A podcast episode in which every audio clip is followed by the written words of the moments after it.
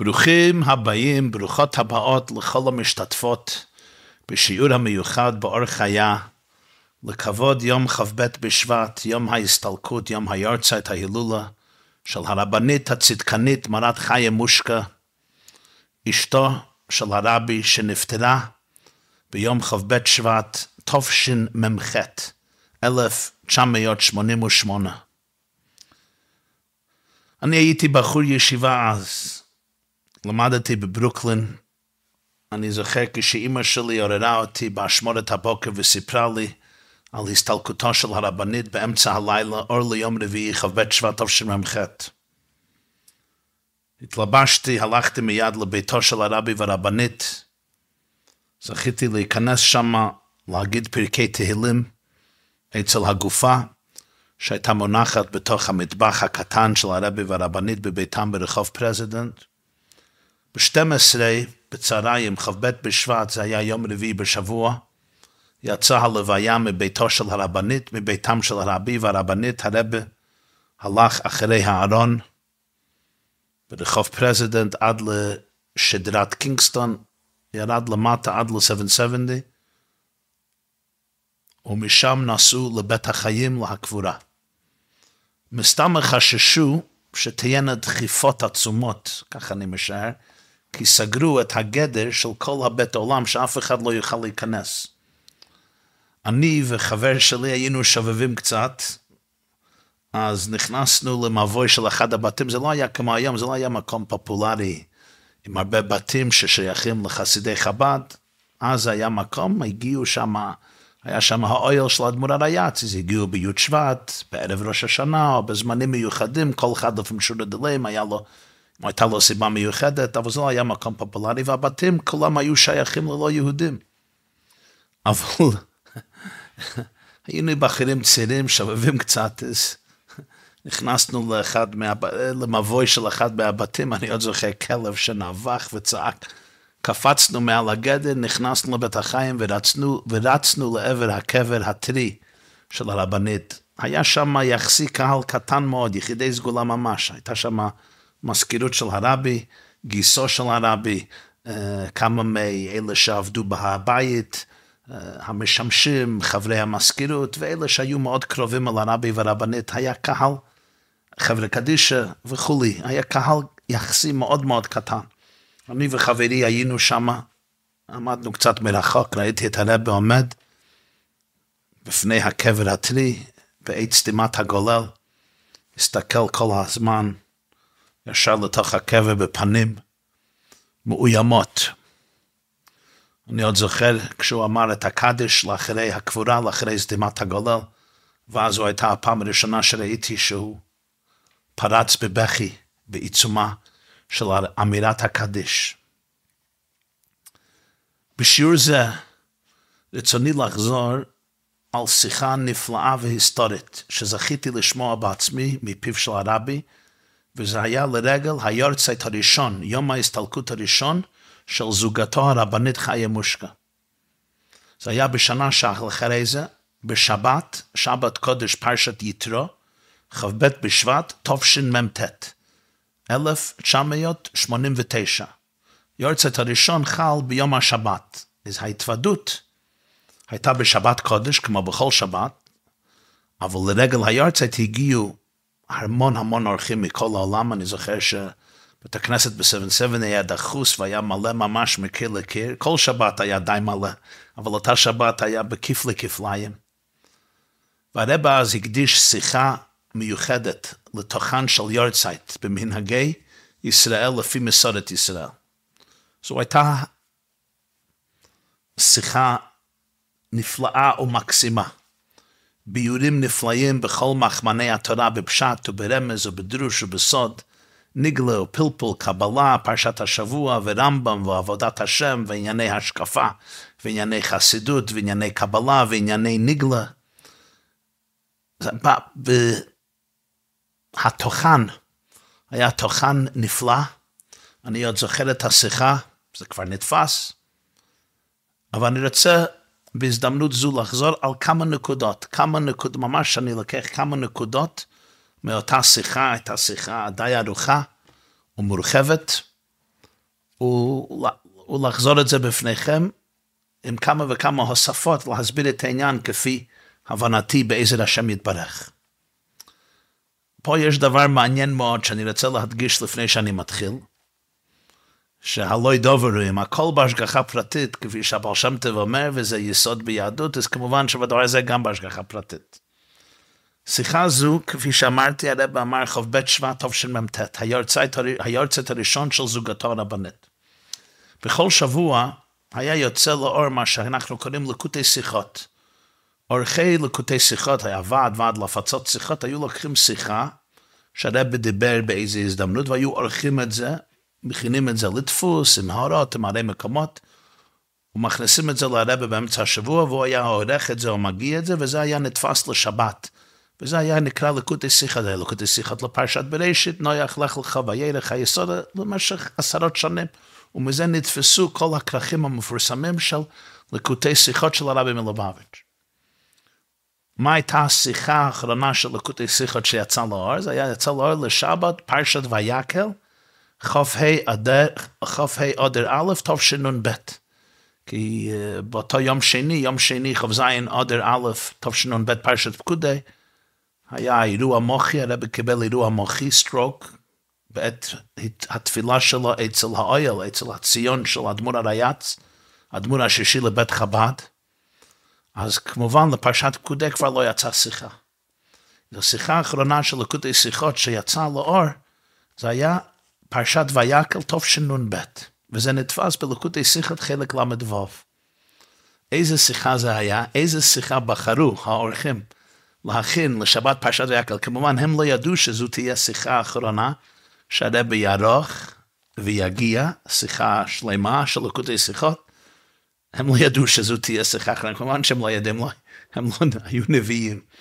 איזה שיחה בחרו? בחרו על שיחה שקשורה עם הלכות שבת, כי בפרשת ויקל מדובר על לא תבערו אש בכל מושבותיכם ביום השבת ובניית המשכן ושמירת שבת. איזה שיחה בחרו? בחרו שיחה הזו שהרבא דיבר ביורצייט הראשון של הבנית חיי מושכי כ"ב שבט תשמ"ט. זו הייתה השיחה שבחרו.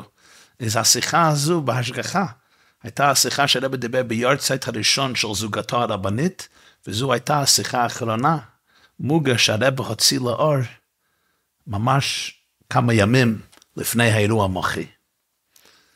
אז אולי יש לומר, וככה אני חושב, ככה אני מרגיש, אם שגיתי השם יכפר בעדי, שבשיחה זו אה, תמונה, ולא רק תמונה, אלא גלויה, אחד מהיסודות הנפלאים של יהדות בכלל, בפרט יסוד שמודגש במיוחד בתורת החסידות החב"דית, בתורת החסידות ובתורת החסידות החב"דית, ובפרטי פרטיות בשיחותיו, איגרותיו, קונטרסיו, מאמריו והשקפתו של הרבי. אז בואו ניכנס מיד לעניין. כאמור, אני חוזר רק כמה נקודות קצרות מהשיחה, וכל אחד יכול, כל אחת יכול, יכולה לעיין יותר וללמוד יותר. כל הפרטים בפנים זה כמו, כאמור לקוטי שיחות ל"ו ויקל, ולפני זה שבת פרשת, שבת פרשת יתרו כ"ב שבט תשמ"ט. פרשת יתרו היא הפרשה של מתן תורה. מימד הר סיני, שזה יסוד היסודות של כל היהדות כמובן, אז היום הזה נהיית לעם. כתוב בגמרא במסכת ברכות דף י"ב, הכל הולך אחר החיתום. מה המילים האחרונות של פרשת יתרו? אז בסוף פרשת יתרו מצווה הקדוש ברוך הוא למוישה שיבנו מזבח. מזבח אדמה תעשה לי, וזבחת עליו את עלותיך ואת שלמך. ובסוף הוא אומר, ולא תעלה במעלות על מזבחי, אשר לא תגלה ערוותך עליו. כלומר, כשעולים למזבח, אסור שתהיינה שם פסי, uh, מעלות, מדרגות, כי המכנסיים של הכהנים היו מאוד קצרים, היו ממתניים ועד ירי חיים. ואם עולים על מדרגות, על מעלות, אז כפי שרש"י והמפרשים מסבירים, זה לא כל כך צנוע, כי המכנסיים uh, מוגבהים קצת. אז לכן, אומרת התורה, צריך שתהיה עלה והכבש. היה כבש, רמפ, וככה היו עולים ככה לאט לאט, לא על מדרגות, ולא תעלה במעלות על מזבחי אשר לא תגלה ערוותך עליו. זה הסוף. זה הסוף של פרשת יתרו. שואל הרבה, למה פסוק זה או מילים אלה הם הסוף והחותם, הכל הולך אחר החיתום של הפרשה של מתן תורה. וזה לא נראה כל כך uh, שייך לאחרי פרשה עצומה כזו, מעמד והתגלות שלא הייתה לעולם, וכל העם רואים את הקולות ואת הלפידים ואת כל השופר, והיה העם וינועו ויעמדו מרחוק, רואים את הנשמע, שומעים את הנראה, פנים בפנים דיבר השם עמכם בהר מתוך האש. זה היה דבר נפלא, פעם ראשונה ואחרונה בהיסטוריה שהייתה התגלות השכינה פנים אל פנים, התגלות אין סוף לכל אחד ואחד מישראל במעמד הר סיני, עינינו ראו ולא זהר, אזנינו שמעו ולא אחר. יסוד כל היהדות, כל התורה. ואיך מסתיימת הפרשה הזו, מה המכה בפטיש, מה הסוף, מה החותם, מה הגמר, אשר לא תגלה ערוותך עליו. לכאורה לא טעים כל כך, לא מתאים כל כך. ובפרט, הרב הוסיף משהו עוד יותר עמוק. אחרי גילוי השכינה כזו, איך היה לפני עץ הדת? לפני עץ הדת כתוב, אדם וחווה היו שניהם ערומים ולא התבוששו, לא, לא, לא התביישו בזה. זה שהיה גילוי ערווה, לא התביישו, למה? כי כיוון שהיו כל כך טהורים, כל כך מנותקים מכל קשר להגשמה וחומריות ומחשבות זרות ותאוות, ותאוות uh, לא חיוביות ודברים שהיו מנותקים לגמרי. זה היה לפני חטא הדת. כפי שהשלום אומר, כפי שאני לא מתבייש עם האצבע הקטנה שלי, ואני לא מתבייש עם היד שלי, אני מניח תפילין, אז אדם וחווה לא התביישו בשום חלק מהגוף שלהם, כי כולו היה מוקדש ומותרם לעבודת השם. מה החילוק? אני עובד השם בראש שלי, או במוח שלי, או בזרוע שלי, או ברגל שלי, ובחלקים אחרים שבגוף. היה, לא, ולא יתבוששו. אחר כך הייתה בושה. אומר הרב, אחרי מתן תוירה, כשהייתה גילוי שכינה כזו, לא שייכים לעניינים כאלה. בפרט הכהן, הוא עולה למזבח. ממש אש תמיד תוקד על המזבח, לא תכבה להקריב קרבן, היינו חושבים שהוא יהיה קצת, או אפילו הרבה, כמו המצב של אדם וחווה לפני החטא, שלא יתבוששו. אבל כך לא מסתיימת פרשת יתרו. פרשת יתרו אומר, לא. צריך להיות זהיר, צריך להתבושש. ואשר לא תגלה ערוותך עליו, אתה צריך להיזהר שהמכנסיים יהיו, יכסו מה שצריכים לכסות, שלא יהיה גילוי ערווה. וזה סוף פרשת יתרו. הרב הסביר את העניין בהקדם, השיר רמב"ם, שלמדו באותו יום. באותו יום ח"ב שבט תשמ"ט, השיר רמב"ם, שלושה פרקים ליום, היה בהלכות שבת. הלכות שבת, פרק י"ב, מתחיל הרמב"ם ככה, המבעיר כלשהו חייב והוא שיהיה צריך לאפר. כלומר, מי שמבעיר אש בשבת, אפילו אם הוא מבעיר אש כלשהו, אני לוקח קיסם קטן שבקטן, ואני מבעיר אש, בסדר, איזה ניצוץ קטן, לא אש גדול, לא מדורה גדולה, לא נר יפה, חנוכיה, נר שבת, אפילו מבעיר כלשהו. אתה לוקח ככה נייר קטן ויוצר אש קטנצ'יק כלשהו, אתה חייב. אתה חייב, כלומר זה איסור מן התורה, אם שכחתי שזה שבת, או שכחתי שאסור לעשות את זה בשבת, אני מחויב בזמן בית המקדש להביא קורבן חטאת. קורבן חטאת, זה המעביר כלשהו חייב, אבל יש תנאי, והוא שיהיה צריך לאפר. כלומר, אם אני מעביר דרך השחתה, אני סתם רוצה לשרוף איזה נייר, רוצה להשחית משהו, אז פטור מפני שהוא מקלקל. כך כותב הרמב"ם, אם העביר דרך השחתה, פטור מפני שהוא מקלקל. אפילו אם אני מעביר יד, אני רוצה להיפטר מיד, אני רוצה לשרוף בית, אני רוצה לשרוף משהו, פשוט לקלקל, להשחית את זה, להיפטר מזה, אז אני פטור. אסור לעשות את זה מדברי סופרים, אבל מן התורה אין חיוב כי הוא מקלקל. לכן צריך תהיה תנאי, והוא שיהיה צריך לאפר.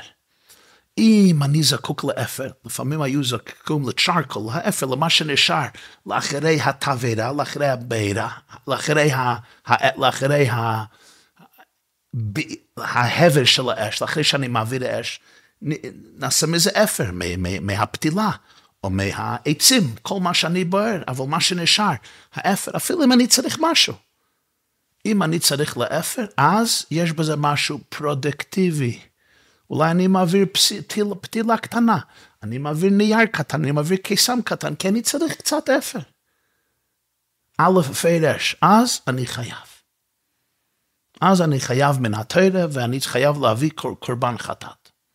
הרמב"ם גם מוסיף, אם אני מדליק את הנר או את העצים כדי להתחמם, אני רוצה חום, אני רוצה אור, הרי זה חייב, גם כך. אני לא משחית, אני רוצה משהו פרודקטיבי, אני רוצה שיהיה אור בחדר, לכן אני מעביר אור בשבת, או אני רוצה להתחמם. בכל הדברים האלה הרמב"ם אומר, אני חייב, עשיתי את זה בשוגג, אני חייב קורבן חטאת. שואל הרבה, למה הדוגמה הראשונה של הרמב"ם זה המעביר כלשהו חי והוא שיהיה צריך לאפר? זה לא דבר רגיל.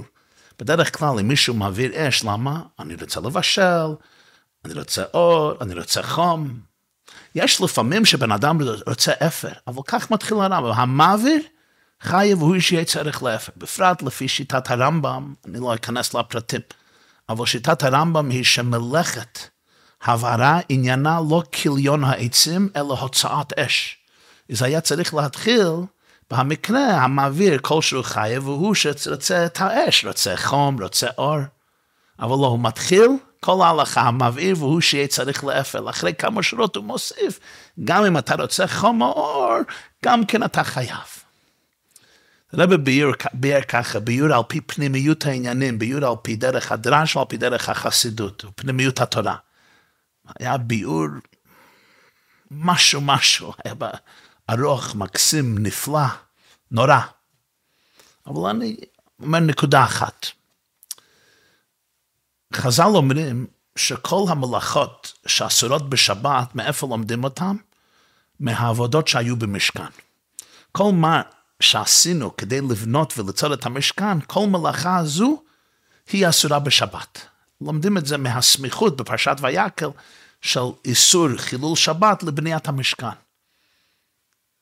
ולכן מובן שבעצם כל עבודה שאסור לעשות אותה בשבת, זו עבודה שעל ידה בנו את המשכן. מה זה בניית המשכן?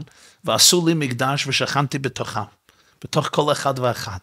אז בעצם במשך ימי החול, העבודות, הל"ט מלאכות שאסורות בשבת, הן הן העבודות שיהודי עושה כדי ליצור מחייו או מחייה או מעולם משכן להשם. לכן כשלומדים הלכות שבת ולומדים מה זה מלאכה או מה לא מלאכה, על מה חייבים ועל מה לא חייבים, מובן שחייבים על מלאכה כזו שהיו עושים במשכן. אז בפנימיות העניינים על פי חסידות, מזה אפשר ללמוד מה נקרא העבודה שיוצרת את השכנתי בתוכה. אם אני חייב על מלאכה זו, פירוש זו מלאכה שיהודי חייב לעשות כדי ליצור את המשכן. אם אני פטור, אז פירוש שמשהו במלאכה הזו מקולקלת. אחד מהעבודות העיקריות של יהודי בעבודת השם זה מלאכת מבעיר. וזה בעצם המלאכה היחידה שמפורשת בתורה בפרשת ויקל, לא תבערו אש בכל מושבותיכם ביום השבת. לא כתובות, לא כתוב, לא, לא כתוב לא לכתוב בשבת, לא למחוק בשבת, לא לבנות בשבת, לא להרוס בשבת, לא לתפור בשבת, לא לקרוא בשבת.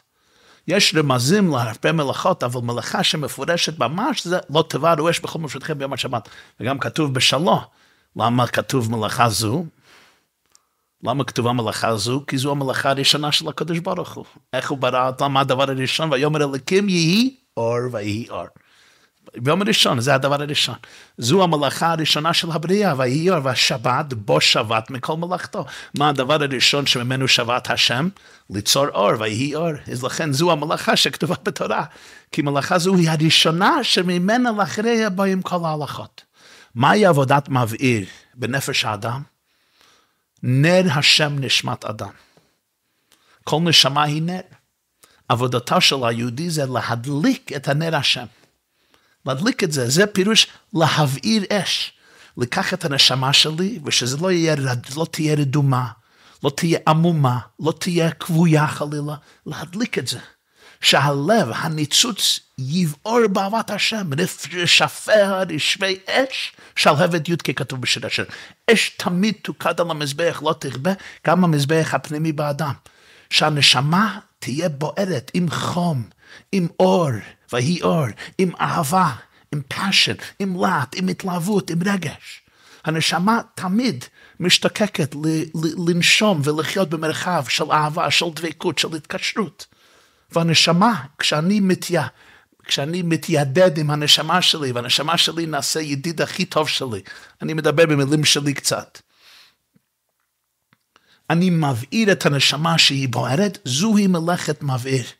בעצם, זוהי עבודה של מסירות נפש. מה זה מסירות נפש? שבכל רגע אני קשוב לכל הנשמה, לשאול מה רצון השם ממני ברגע זה. זה נקרא מסירות נפש, שאני מוסר את הנפש שלי להבורא. לדעת מה שליחותי ברגע זה, מה הבורא רוצה ממני. ולכן אמר הרב, המעביר כלשהו חייב. המלאכה של מעביר לא צריך להיות מדורה גדולה, מדורה ענקית, מדורת ל"ג בעומר, לא, כלשהו. אפילו אני לוקח חלק קטן מחיים שלי, קיסם קטן, ואפילו אם אני מביא רק אש קטן, חייב, זוהי מלאכה שלמה. כי בעבודה של מסירות נפש, נקודת היהדות היא בשווה בכל פרט ופרט של אדם, גם בכל שהוא. זה יכול להיות ממש בכל שהוא, זה יכול להיות בדיבור אחד, במחשבה אחת, במעשה אחד, ברגש אחד, בנקודה אחת בחיים. אבל כשאתה, you hit the spot, כשאתה מעביר את הנקודת היהדות, את הניצוץ אפילו בכל שהוא, זה אותו, זה אותו אש. זה עניין של איכות, זה לא עניין של כמות. אבל פה יש תנאי גדול. המעביר כלשהו חייב, והוא שיהא צריך לאפר. יכול יהודי לחשוב, וזוהי התכלית. היא תהיה בעירה גדולה, יהיה אש גדול, פלקרן, זה יבער חזק, להט והסתלבות חזקה. וכל המציאות של בן האדם יעלה כביכול באש הזה, אומר לא, צריך לאפר. כדי שזו תהיה עבודה.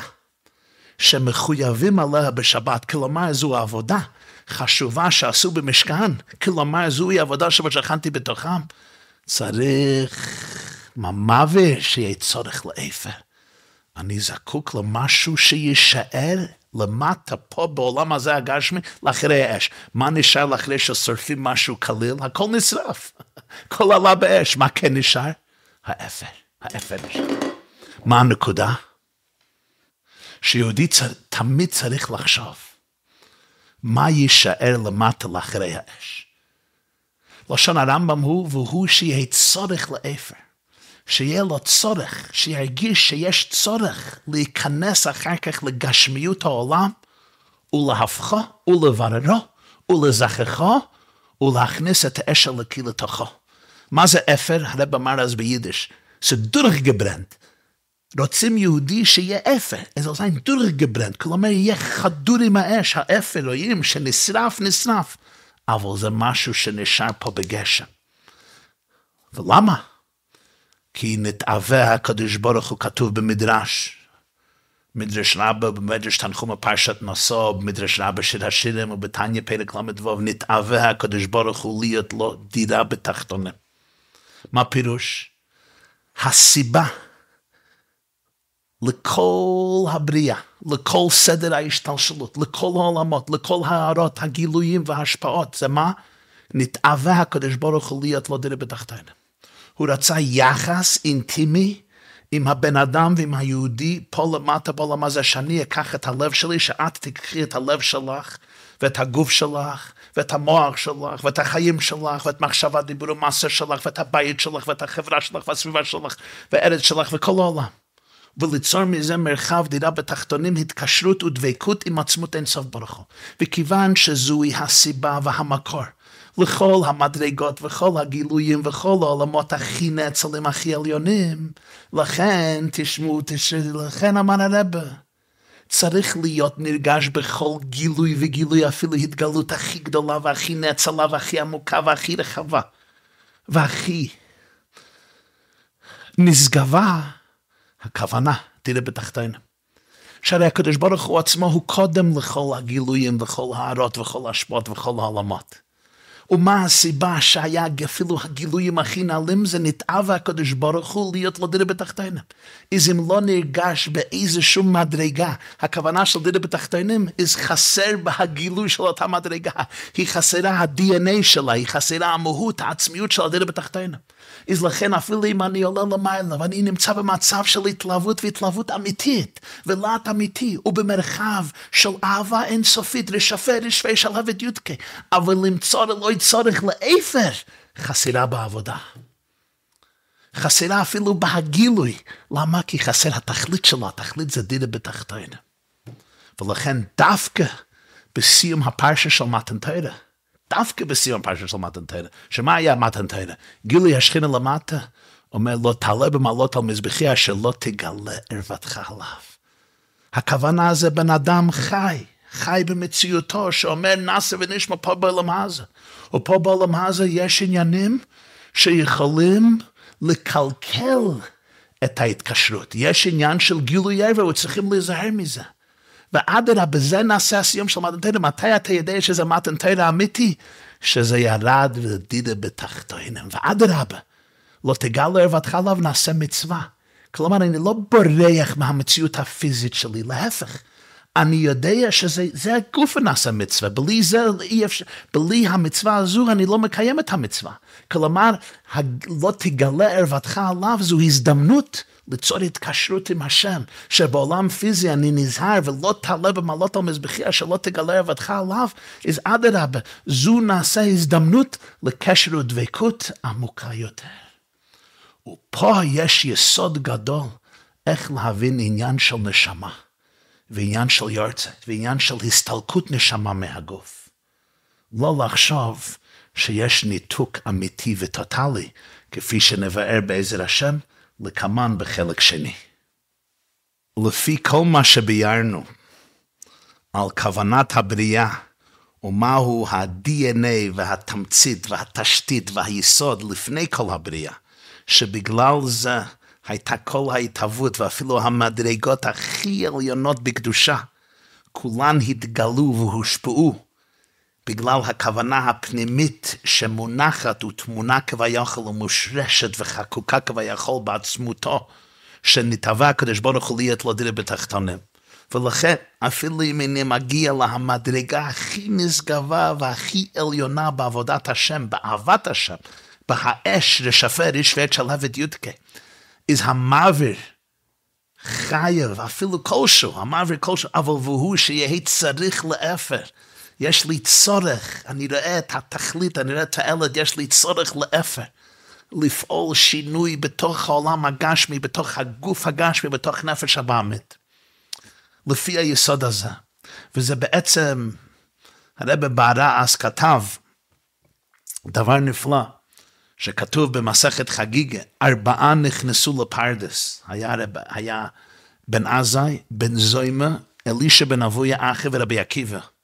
בן עזאי נכנס לפרדס, לפרדס, לסודות המסתורין של הבריאה, הציץ ומת. בן זומה הציץ ונפגע.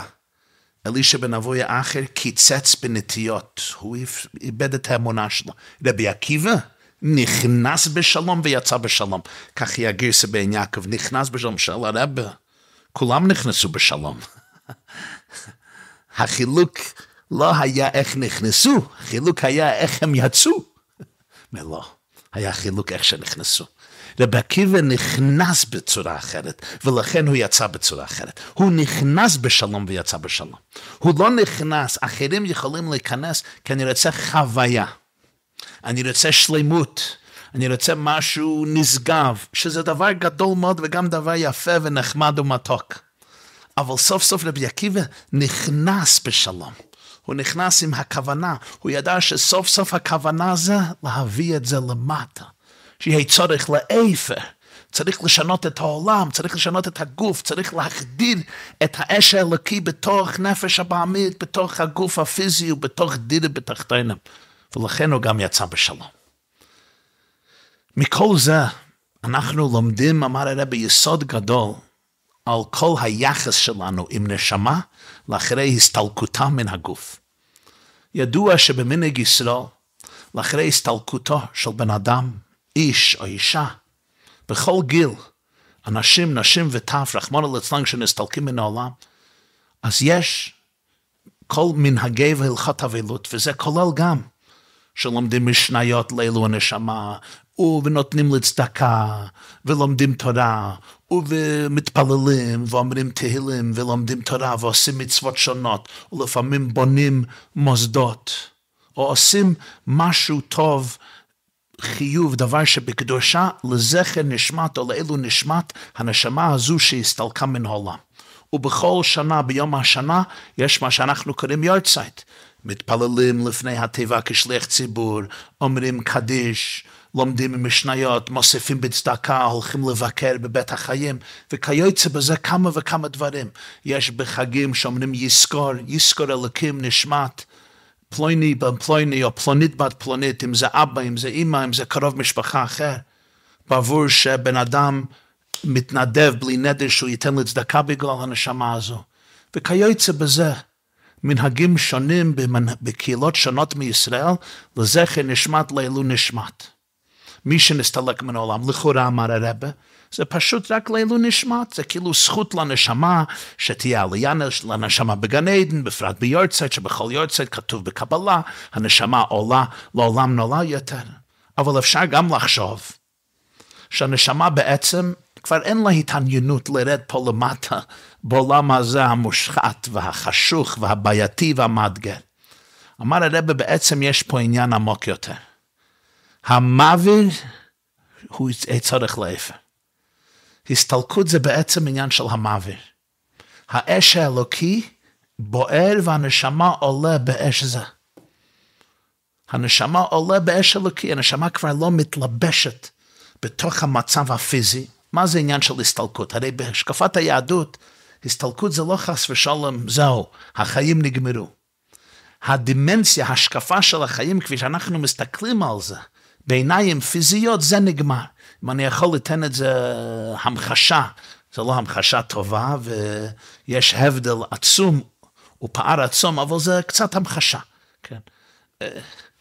כשמישהו מנתק מקרר, כן, יש תקע, והתקע מחבר את המקרר להכותל.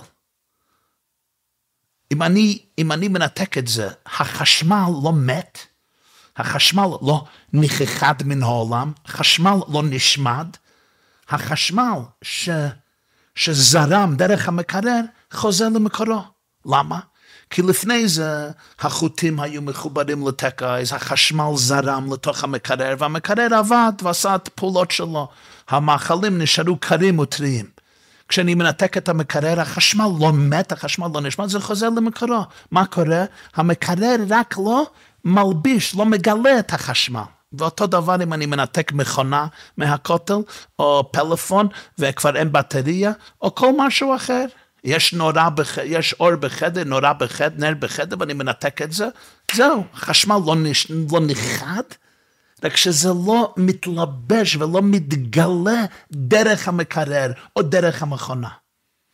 כשהנשמה היא בגוף, זה פירוש שהחשמל של הנשמה מתגלית באמצעות הגוף. אני מסתכל על הפנים ואני רואה את החשמל הנשמה. הסתלקות פירוש הסתלקות. הנשמה לא מיתה חס ושלום, רק שהגוף לא מגלה את חיות הנשמה. אז אפשר לחשוב, הנשמה עולה וזהו, כבר אין לה חשק. אומר הרב שיש לו אמר, כשם שנתאווה הקדוש ברוך הוא להיות לא דירי בתחתונים. זה אותו דבר בנשמה, שגם המוות הוא יהיה צורך לאפר. הנשמה משתוקקת שעל ידי הסתלקותה תתוסף כאן בעולמנו יותר חיים, יותר טוב, יותר אור, יותר קדושה, יותר אהבה. ודאי הנשמה עולה למעלה והיא במצב הכי טוב שאפשר להיות, והנשמה נמצאת בחיק אביה, והנשמה חיה לעד ולעולמי עולמים, כי יש נצחיות הנשמה ויש נצחיות החיים, ושום דבר לא יכול להפסיק אפילו לרגע חיי הנשמה. כל מה שאפשר לעשות על ידי מיתה, ובפרט על ידי רציחה של קדושים וטהרים, השם ינקם נקמת דם עבדה ושפוך. זה שאנחנו לא זוכים לראות את חיות הנשמה מתגלית דרך הגוף. אבל הנשמה חיה ונצחית לעולם ולעולמי עולמים, זה לא שאלה, אבל הרב אומר יותר מזה. המוות, אפילו נשמה שעולה לתוך המדרגות הכי נשגבות והכי נעלות. עלה לנש... עלתה למרומים באש אלוקי, המוות. צורך לאפר. הנשמה משתוקקת, שעל ידי הבעירה, על ידי ההסתלקות הזו, תתוסף בחיים ובשמחה ובאור ובאהבה ובקדושה. של כל אלה הקשורים אליה, וכל אלה האוהבים אותה, וכל אלה שמדובקים אליה, ואצל כל העם, ואצל כל הארץ, ואצל כל העולם, דירה בתחתונים. והוסיף שזה גם ביורצייט דידן, זה היה כ"ב שמע תשמ"ט. ואז הוא אמר ביטוי ביידיש, ואני עוד יכול, לש... אני עוד יכול לראות את הרבה ולשמוע את המילים הקדושות שלו, והוא אמר על הרבנית שלו, אמר, סגוון הפייר, ונזי זרוף למעלה. דיבר ביידיש. היה אש והיא עלתה למעלה. המעביר, הייתה, היה אש, סגוון הפייר ונזי זרוף למעלה. כך היה הלשון לפי הזיכרון שלי. היה אש והיא עלתה למעלה. כלומר, הייתה מסירות נפש. הנפש עלתה והתחברה בדבקות עצומה עם הבורא, כבר אין שום פער, כבר אין שום הפסק. בדרך כלל הגוף יכול להעלים ולהפעיל קצת על הנשמה או הרבה, לכן צריכים להעביר את האש, אבל אחרי הסתלקות כבר אין פער, כבר אין הפסק. אומר הוא בפרט שגם כשהייתה הנשמה בגוף המדובר בצדקנית, וביתו של כבוד קדושת מורי וחמי אדמו"ר, הייתה ביתו האמצעית של אדמו"ר הרייץ. כל, כל חייה וכל עבודתה היו חדורים במסירות נפש, ואז סיפר סיפור, כשהייתה ילדה, אז אביה שכר בשבילה ובשביל החיות שלה מלמד, שילמד איתם סיפורים וחומש, ממש היו ילדות קטנות מאוד. והמלמד אמר לאדמו"ר הרייץ, שהוא לא אוהב להפחיד את הילדים עם סיפורי מופסים, או סיפורי מסירות נפש שיכולים להפחיד את הילדים. ואדמו"ר הרייץ אמר למד להפך. אצל ילדים, דברים אמיתים, אפילו אם זה למעלה מדרך הטבע, זה מונח אצלם בפשיטות. כך צריכים לחנך ילדים. במסירות נפש, בהתלהבות עצומה, אלוקות בפשיטות, עם סיפורי כל המופסים בתורה, לא צריכים לפחד, להפך, אצל הילדים אין שום הלמות והסתירים, אז הרב אמר, אז הרבנית נתחנכה בתנועה באש של מסירות נפש. וזה גם בהיותה נשמה בגוף, הלכת כמה וכמה לאחרי הסתלקותה, שהנשמה עולה, אז אז זה מסירות נפש בתוך מסירות נפש, אבל אף על פי כן, גם היא צריכה לאפר. מה שהיא משתוקקת והיא רוצה, שיהיה שינוי בתוכנו ובתוך עולמנו, שהיא, שהיא תהיה דירה בתחתונים, שנגלה את האור ואת האש בתוך האפר הגשמי של עולם הזה הגשמי, וזה מרומז בשם חיה, להוסיף חיים ומושקה. מלשון מוסק, מויסק, להוסיף ריח, וחיה מושקה זה בגמטריה, 470 שזה עת, אייס. את לפקוד, את לספוד, את ללחום, את לשלום, כל הכ"ח עיתים בספר קהלת. עת, שזה פירוש זמן, שזה נמשך מלמעלה מן הזמן, בתוך הזמן. אז יותר מודגש העניין הזה, שכל נשמה ונשמה, אפילו הכי גבוהה בעולמות העליונים, משתוקקת לאחוז, ל, ל, ל, להמשיך את הקשר, ולא רק להמשיך את הקשר, אלא שדווקא על ידי הסתלקות תתוסף יותר אור ואהבה ואור דווקא למטה בעולם הזה התחתון. ואז המשיך הרב לדבר ברמז גם על עצמו. וגם כאילו על החוויות שלו בכל המצב המאתגר הזה. אני אומר את זה ברמז, כי בדרך כלל כשהרבא דיבר על עצמו זה היה מאוד ברמז, וגם בנידן דדן, גם במקרה הזה, זה היה מאוד ברמז. כדי להעביר את העניין, להגיד לכם מה שהרבא אמר, אני צריך לתת קצת הקדמה, אני צריך לתת הקדמה.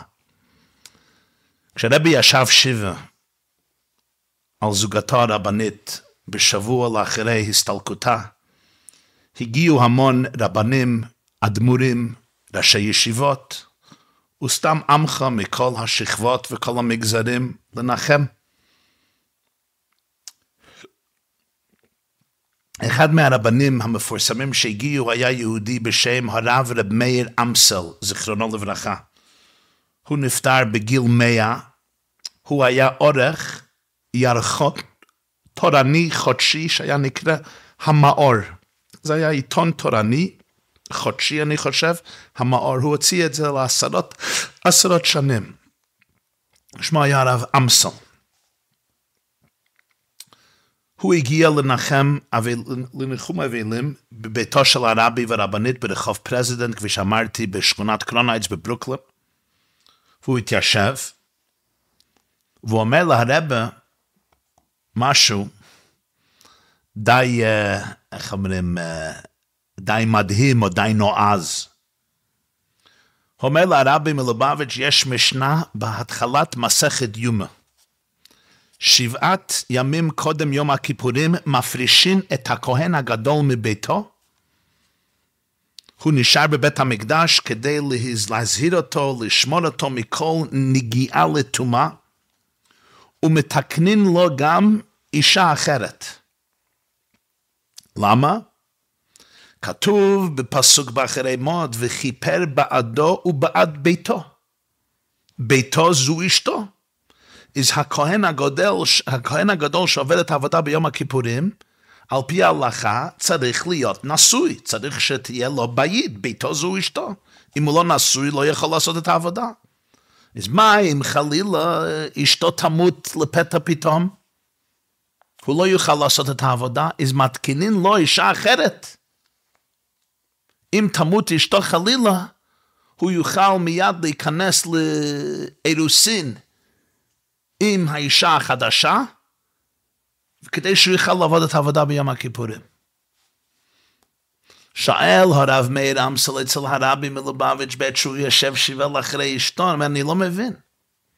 איך ייתכן, איך ייתכן שכהן גדול יעבוד את העבודה ביום הכיפורים כשאשתו מתה עליו? זו הרי טרגדיה נוראה. וזה קרה ממש עכשיו, אולי קרה ביום לפני זה, אולי קרה כמה שעות לפני יום הכיפורים. אז מה מצפים מהכהן הגדול הזה? שהוא יעבוד בכל הלב ובכל ההתלהבות ובכל הנשמה ובכל הלט כשהוא עבר טרגדיה נוראה כזו? אומר הרב אמסלה רבי מלובביץ', מוכרח לומר שלכהן גדול ניתנו כוחות אחרים לגמרי. כוונתו כמובן הייתה לרמז שהרבה הוא בבחינת כהן גדול. ולא יש כוחות אחרים לגמרי של למרות האבידה העצומה והאבידה הגדולה, הוא כמו הכהן גדול יכול להמשיך את העבודה ללא הפסק. הרבי הסתכל עליו ואמר לו במילים האלה, אני אומר את זה לפני, מהזיכרון, וזה המון שנים כבר עברו. אולי אפילו הייתי שם, או שמעתי קלט את זה, אני לא זוכר, אבל אני אומר לכם, התוכן, אני לא יודע מה ממש המילים, אבל אני חושב שזה ממש המילים. רב אמר לו ביידיש, איך כן זיך nicht איך ich kenn sich mit euch nicht dingen. אני לא יכול להתווכח איתכם. אבל יש סוגיה במסכת סנהדרין על אשת נעורים. משהו כזה. אני לא יודע מה אני אומר בדיוק, אבל זה היה תוכה. כלומר, אני לא יכול להתווכח איתכם בפירוש המשנה במסכת יומא. אבל מה אני יכול לעשות כשיש סוגיה שלמה במסכת סנהדרין? במסכת סנהדרין דף כ"ב עמוד א', הגמרא מקדישה קטע מאוד ארוך לבאר ולהבהיר ולהסביר ולהגדיר את האבידה הגדולה כשמישהו עובד, כשמישהו צריך להגיד שלום לאשת נעורים שנפטרת מן העולם. הגמרא אומרת שמה, אומר רבי יוחנן, כל אדם שמתה אשתו ראשונה, כאילו חרב בית המקדש בימיו. זה כמו חורבן בית המקדש. רב אלכסנדרי אומר, כל אדם שמתה אשתו בימיו, עולם חשך בעדו. רב יויסי אומר, פסיעותיו מתקצרות. רב אבו אומר, עצתו נופלת. רב שמואל אומר, לכל יש תמורה. חוץ מאשת נעורים. לכל דבר יש תחליף, לאשת נעורים אין תחליף. אין אדם מוצא קורת, קורת רוח אלא מאשתו ראשונה. אין אישה מתה אלא לבעלה. זה התכוון הרב לומר לו הרב אמסו, כבודו במקומו מונח, וכוונתו רצויה, וכל וכל טוב, אבל זה אשת נעורים.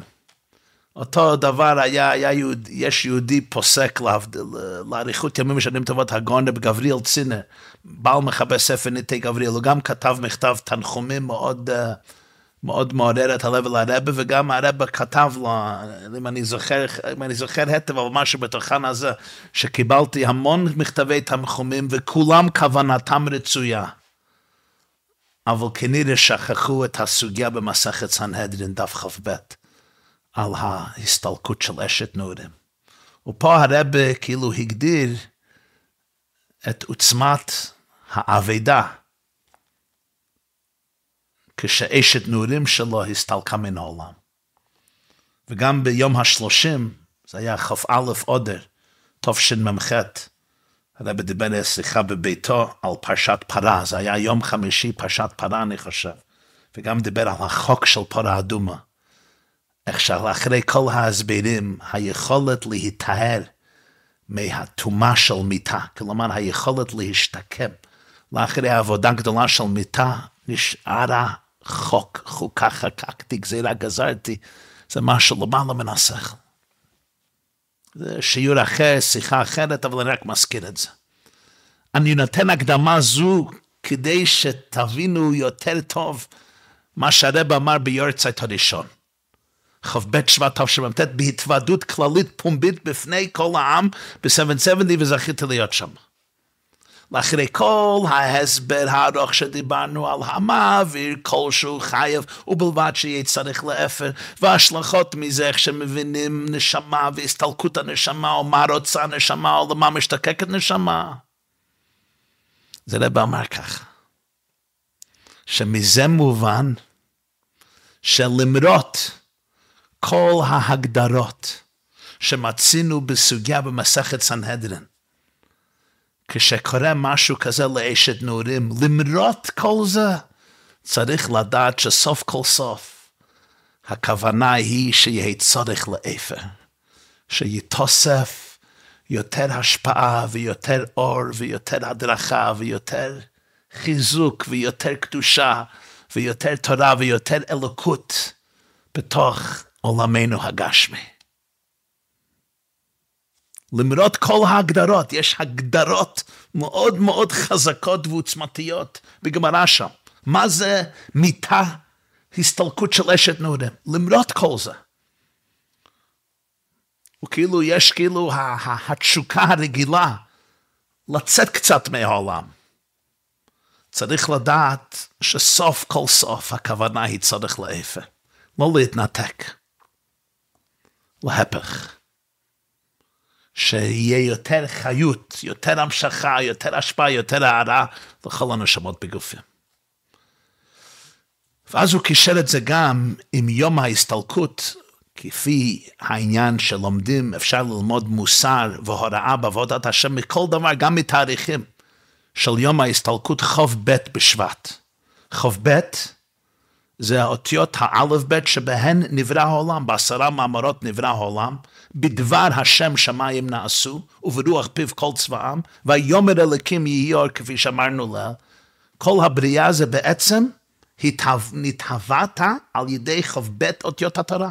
כי ידוע שכוח הבורא בתוך הבריאה היא האותיות, כמו שהיום אנחנו יודעים במדע או בביולוגיה או, בפיזיקה, ש...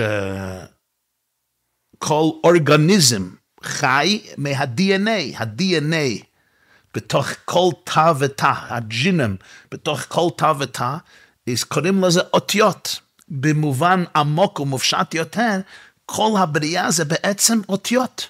זה בעצם אותיות הבורא, עשרה מאמרות עם כל הצירופים עד אין סוף, שמהם נבנה כל החומר וכל הצורה של העולם. איזה כ"ב. מה זה שבט? שבט זה מלשון שבט, כמו שכתוב בפסוק, כן? דרך כוכב מיעקב וקם שבט מישראל. דרך כוכב, כוכב זה כ"ב, כוכב, כ"ו כ"ב, כ"ו, כ"ב, כוכב, וקם שבט, כ"ב שבט, וקם שבט מישראל. לא יסור שבט מיהודה, הוא מחוקק מבין רגליו, פרשת ויחי. דרך כוכב זה פרשת בלק. שלמה המלך במשלי, חוסך שבטו שונא בנו. שבט פירושו מלוכה, ממשלה, שליטה, חושך שפתו. לא יסור שבט מיהודה מחוקק. שבט זה השבט של מנהיג, בהנהגה. כ"ב שבט פירוש שכ"ב אותיות התורה צריכים להנהיג, למלוך ולשלוט על העולם. אני יכול להתייחס לעולם. בצורה מנותקת מהבורא, בצורה מנותקת מכוח הפועל בנפעל. אני יכול להפריד את החומר מהצורה, אבל תכלית עבודת השם זה הגברת הצורה על החומר.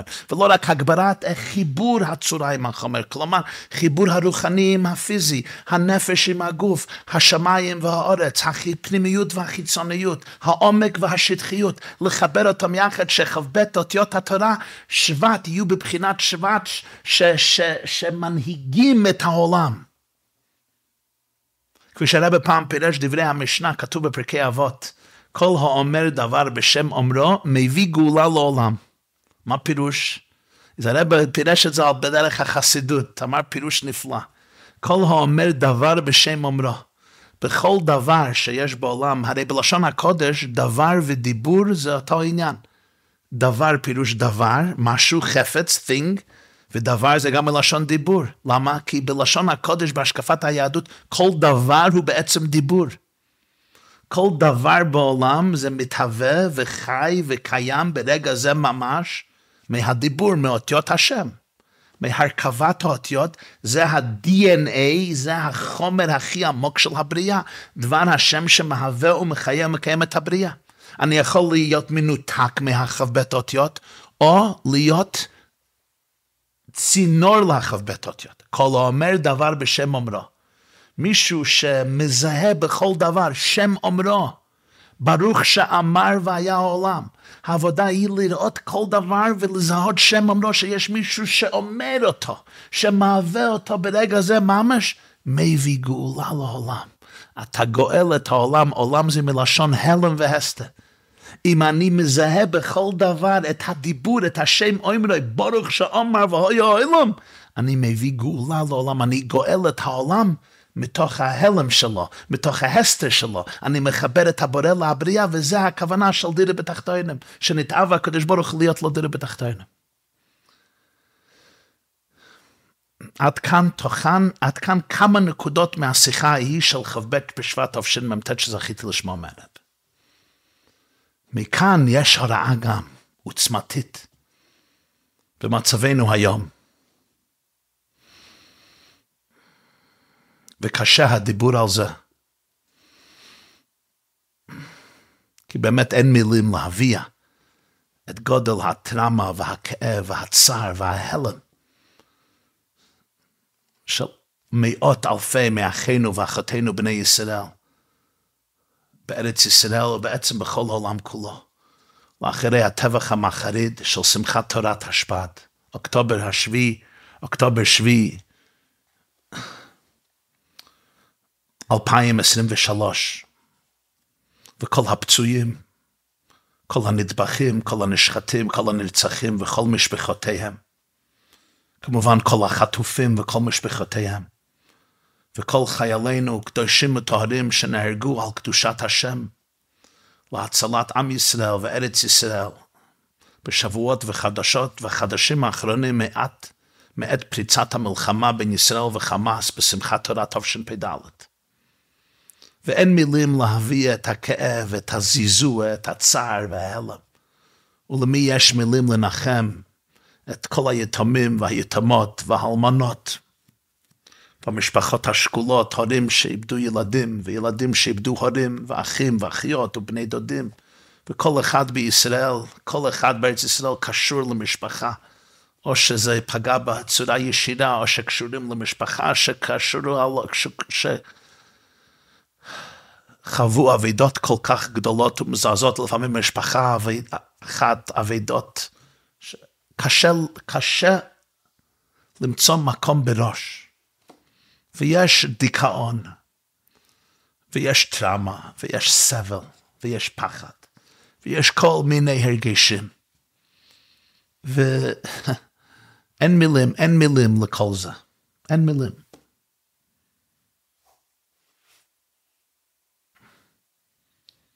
מה שאני חושב שאפשר כן להוציא נקודה אחת מהשיחה, הוא שצריך תמיד לזכור שלמרות שאנחנו לא מבינים, ואנחנו לא תופסים. וקשה לעכל את כל העניין. קשה לעכל את עוצמת האבידה ועוצמת הזיזוע.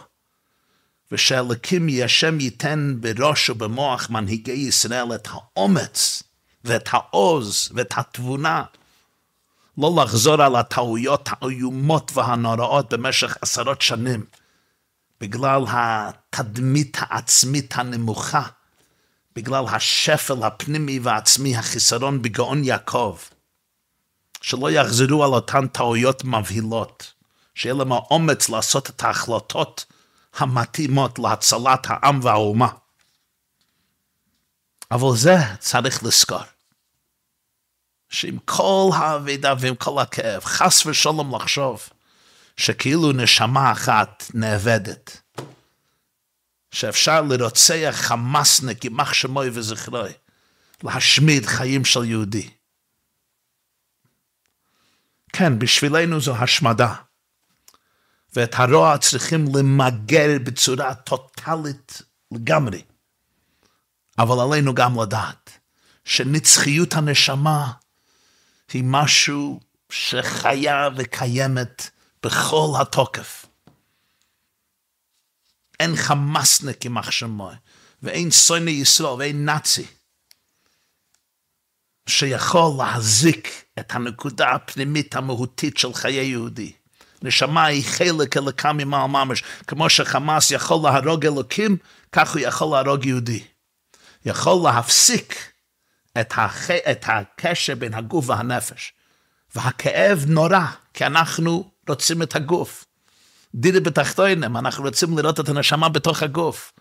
אנחנו רוצים לחיות עם יקירינו ואהובינו, לדבר להם ולנשק אותם ולחבק אותם ולתקשר איתם דרך חמשת החושים, ולכן יש אבילות, ולכן יש שיבה, ולכן יש זיזוע, ולכן יש כאב גדול, עד לתחיית המתים, והקיצו ורננו שוכני עפר. אבל כן עלינו צריך, כן עלינו לזכור, שלמרות הכאב הנורא שלנו, הנשמה, אה, זה חלק אלוקה ממעל ממש שאף אחד לא יכול להכחיד ולהשמיד ולהזיק ולהריע. והיא הפנימיות של כל בן אדם. הנשימה האלוקית, החיות האלוקית, שהייתה פה לפני ההתלבשות בגוף, ונמצאת לאחרי ההסתלקות מהגוף, ולא עוד, אלא שהקשר הוא גם נצחי, כפי שלמדנו עכשיו. המעביר כלשהו חי והוא שיהיה צורך לאפר. שגם נשמה הוא כמו נשמות הקדושים שאין כל בריה יכולה לעמוד במחיצתן, כמו שכתוב בגמרא. אבל הקשר והדבקות נצחית לעד ולעול מעולם יהיה צורך לאפק, כי סוף כל סוף הכוונה של הכל זה נתעב הקדוש ברוך הוא להיות לא דירה בתחתינו. שהעולם שלנו יהפך לעולם של אור ושל אהבה שמלא הארץ דיית השם כמים ליום החסם. ו... והקיצו ורננו שייכני עפר והם בתוכם והם בראשם ושמחת עולם על ראשם שנזכה לראות דידן נוצח ניצחון טוטאלי ומושלם וגאולה אמיתית והשלמה על ידי משיח צדקנו. תקף ומיד ממש, אמן כן יהי רצון תודה.